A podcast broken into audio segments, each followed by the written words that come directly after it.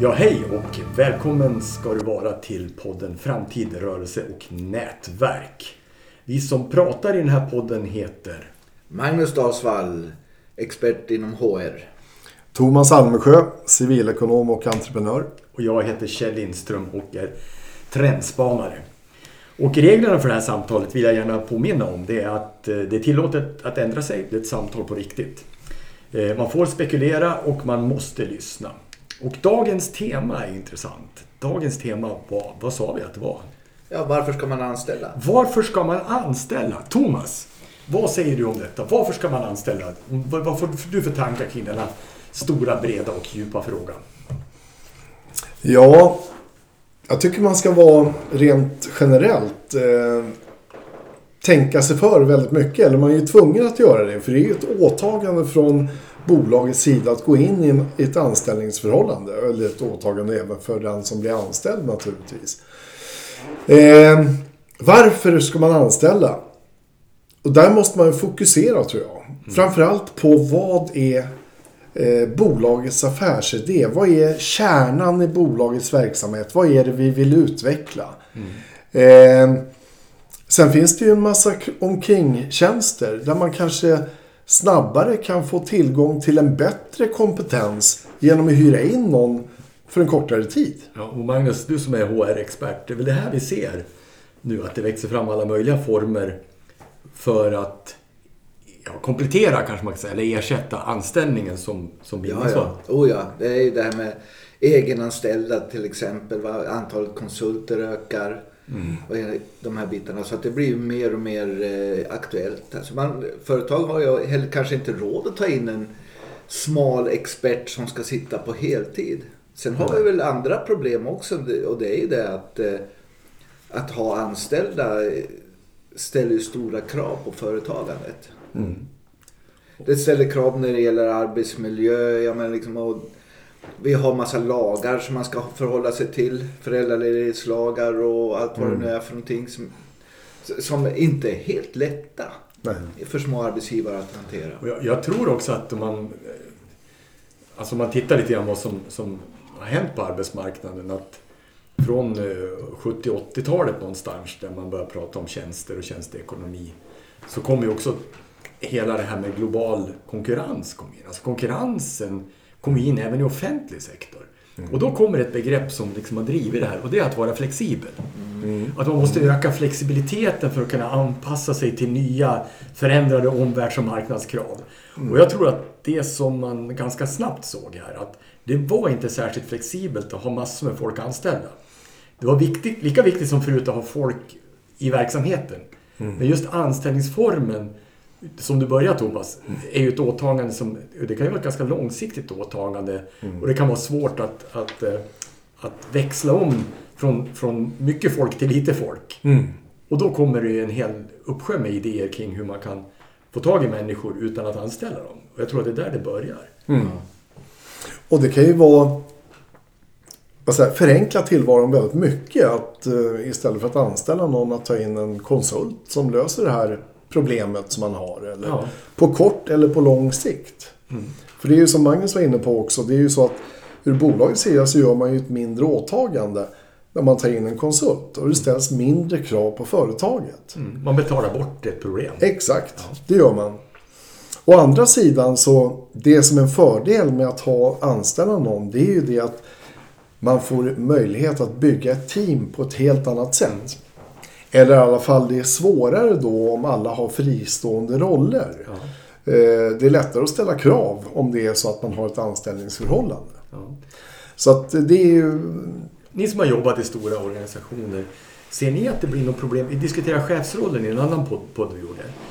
Eh, och en sak vi inte diskuterar så mycket, hur är det att leda grupper som består av en blandning mellan tillsvidareanställda och tillfälligt anställda? Uppstår det några särskilda problem där eller är det likadant som att leda vilken grupp som helst? Alltså rent arbetsmiljömässigt och lagmässigt så ska det behandlas lika. Ja. Det, det är liksom ingen skillnad eh, när det gäller de bitarna.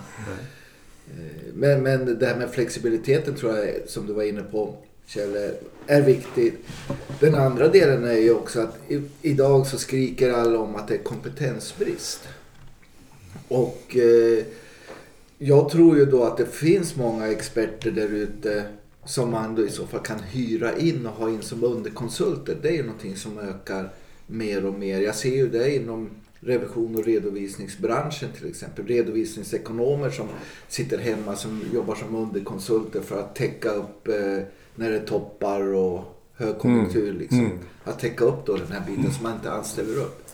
Sen tror jag det är viktigt som du var inne på Thomas det här med att man har en kärnkompetens. Man har en kärngrupp liksom, och den här kärngruppen håller man rätt så hårt i. Alltså med eh, och sköter dem, sköter dem väl om man säger så. Då.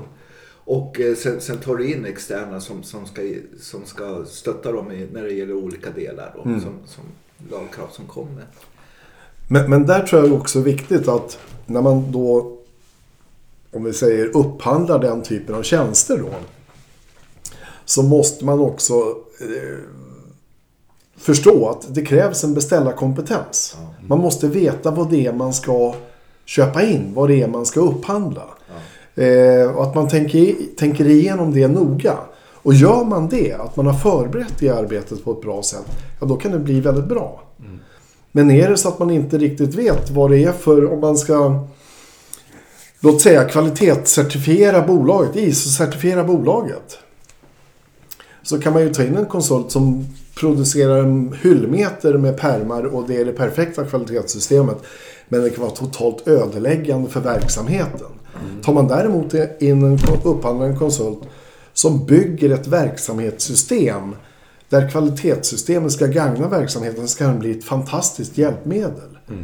Men då måste man också ställa den typen av krav på konsulten och man måste ha en beställarkompetens där. Och jag tror att erfarenheterna från 80 och 90-talet när, när man började diskutera de här flexibilitetsformerna och outsourcing och insourcing. Det var ju det att man outsourcade utan att riktigt veta vad man gjorde. Och då kom det en, en våg sen på att man, man tog tillbaka det här. Och eh, vi som jobbar inom HR-sektorn såg ju med löne, lönehantering. Det var ju ganska många som outsourcade ganska tidigt. Och sen så fick man kalla fötter för man upptäckte att det fanns ändå så mycket kunskap om verksamheten på de här löneenheterna. Så det var inget bra att de satt i Estland och inte visste Nej. vad verksamheten höll på med. Så att då kom det ju en, en, en, en tillbakavåg här. Och så att, så att det, det är inte alldeles lätt ändå det här med, med att, att hyra in folk precis när de behövs. Liksom. Man ska Nej. veta vad man sysslar med. Ja, det här med beställarkompetens det är ju jätteviktigt. Det- Alltså, det räcker inte med att gå till ett stort bolag bara och tro att allting lö- att, då- då löser det sig. Det har vi ju stora skräckexempel på i nutid. Om man Mm. säger så. Absolut. Eh, Så att, eh, och här finns det ju kanske nätverkskluster och jag vet att Kjell har varit inne för ett på Tribes. Men alltså det finns ju grupper som är specialiserade, kanske mot små och medelstora företag. Eh, Och deras villkor. Mm. För det är lite annorlunda att sitta med en kärn, kärndel och köpa in den här mot att sitta på Volvo-koncernen och eh, ändra någonting. Absolut. Men sen just det här med beställarkompetens också. Så är det ju faktiskt, nu kanske jag raljerar lite grann. Men det finns ju då framförallt kanske då eh, de större konsultfirmorna. Att man köper in en, en konsulttjänst och det man upptäcker i efterhand är att man har ännu fler frågetecken än vad man hade från början. Och det är ibland då, om jag är lite krass här, så kan jag känna det att de här större konsultfirmorna kanske till och med har det som affärsidé. För det skapar ju ännu, st- ännu större jobb eller behov av deras tjänster så att säga. Och jag vill ju ha någon som kommer in och löser mina problem. Det är ju där man eh, köper tjänsten. Men, men det, man, där, ja. Ja, det där har, faktiskt gett mig en hel del eh, jobb. Eh, Att skapa frågetecken. Nej, nej, nej, men att man har haft in en, en eh, stor, stor, stort, stort företag eller stor konsultfirma som kommer in och gör ett jobb. Och då kommer de med sina seniora konsulter. Mm. Säljer in idén och sen kommer juniorer in och ska göra jobbet. Alltså, vad då behöver vi förhandla att vi ska lägga ner den här verksamheten? Det har inte vi räknat med. Liksom. Och, så att, Ja, ja. sådana här vanliga saker, att man Precis. miss, missar det. Va? Så att, eh, ja. Jag tror eh, hela konsultbranschen ni kanske också har studerat boken Konsulterna om Ja. Karolinska sjukhuset, lite Mm. tänkvärd.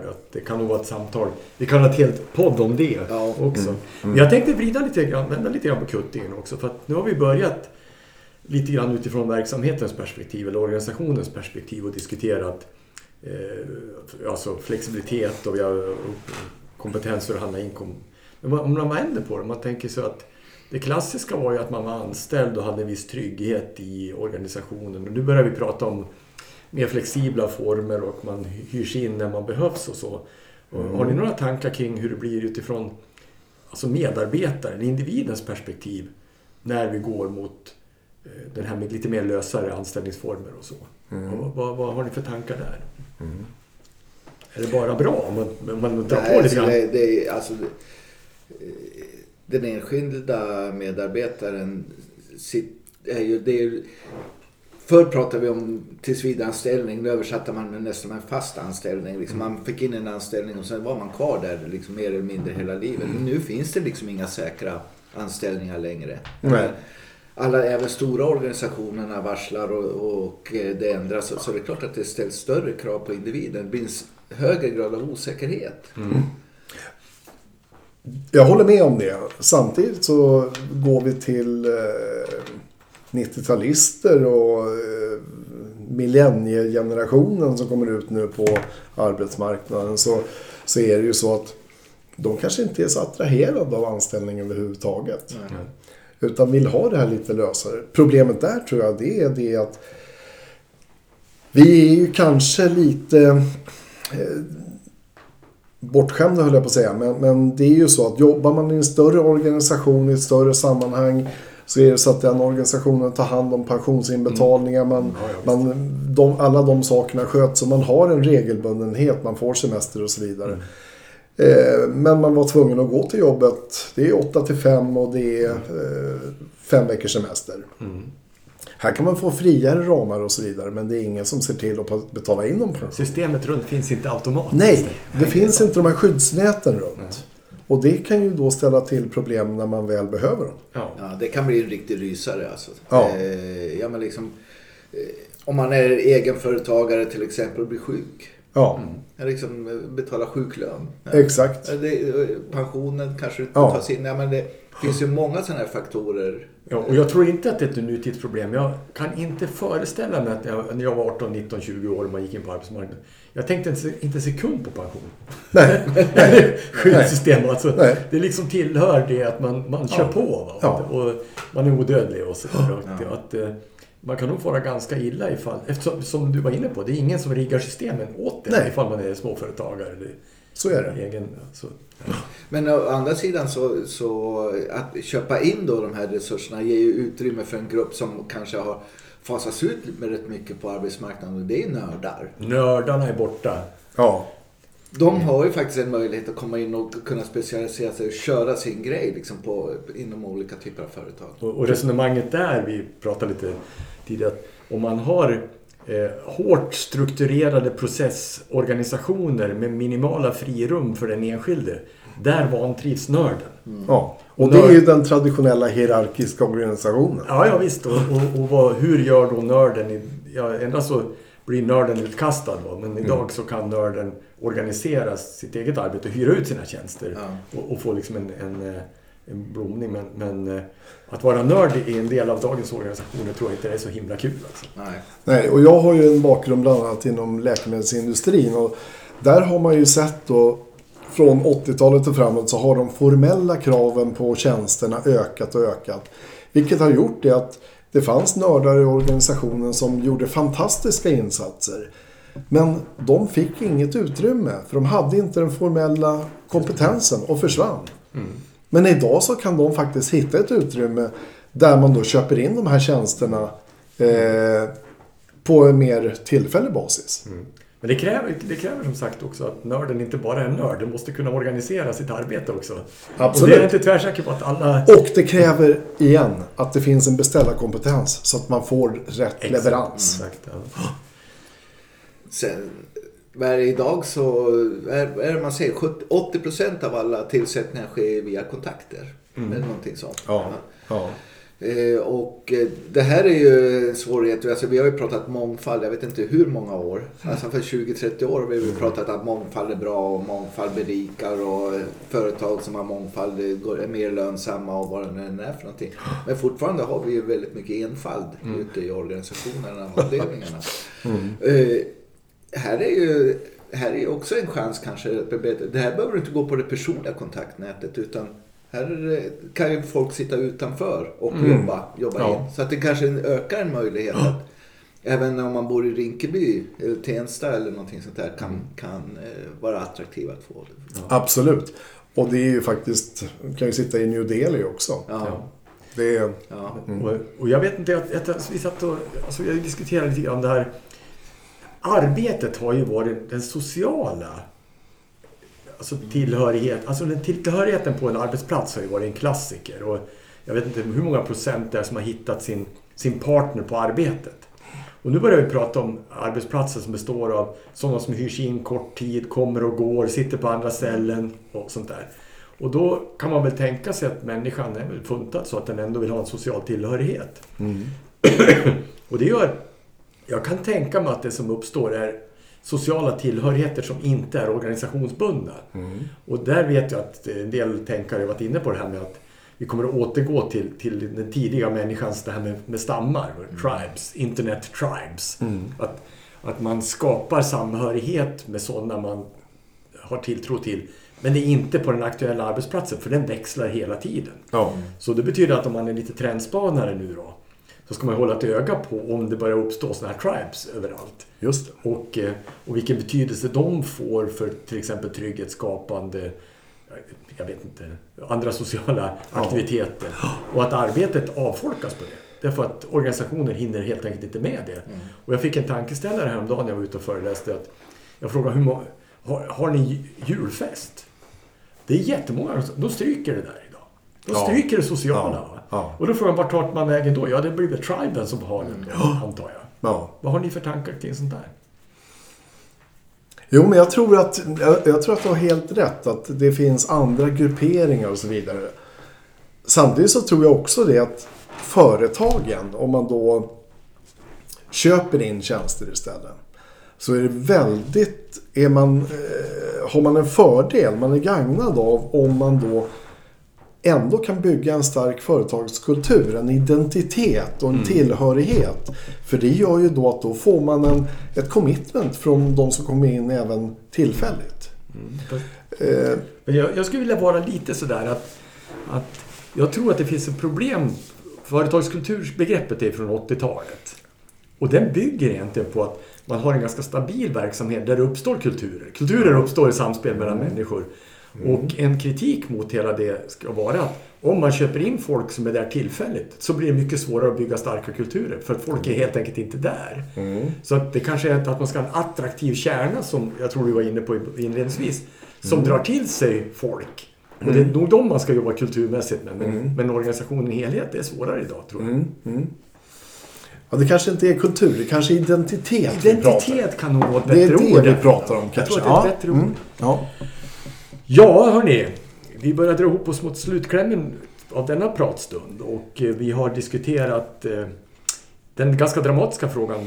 Vad var den? Varför ska, varför ska man anställa? Mm. Och vi har diskuterat kring eh, utvecklingen från att det tidigare var alltså ganska naturligt att man hade en fast anställning i en stor organisation vanligtvis. Och att idag ser vi helt andra mönster växa fram. Och vi har diskuterat dels vilka krav det ställer på organisationens uppköps... Alltså och vad man köper in för typ av kompetens. Men vi har också diskuterat vilka effekter det här kan få för den enskilde som svävar runt där ute.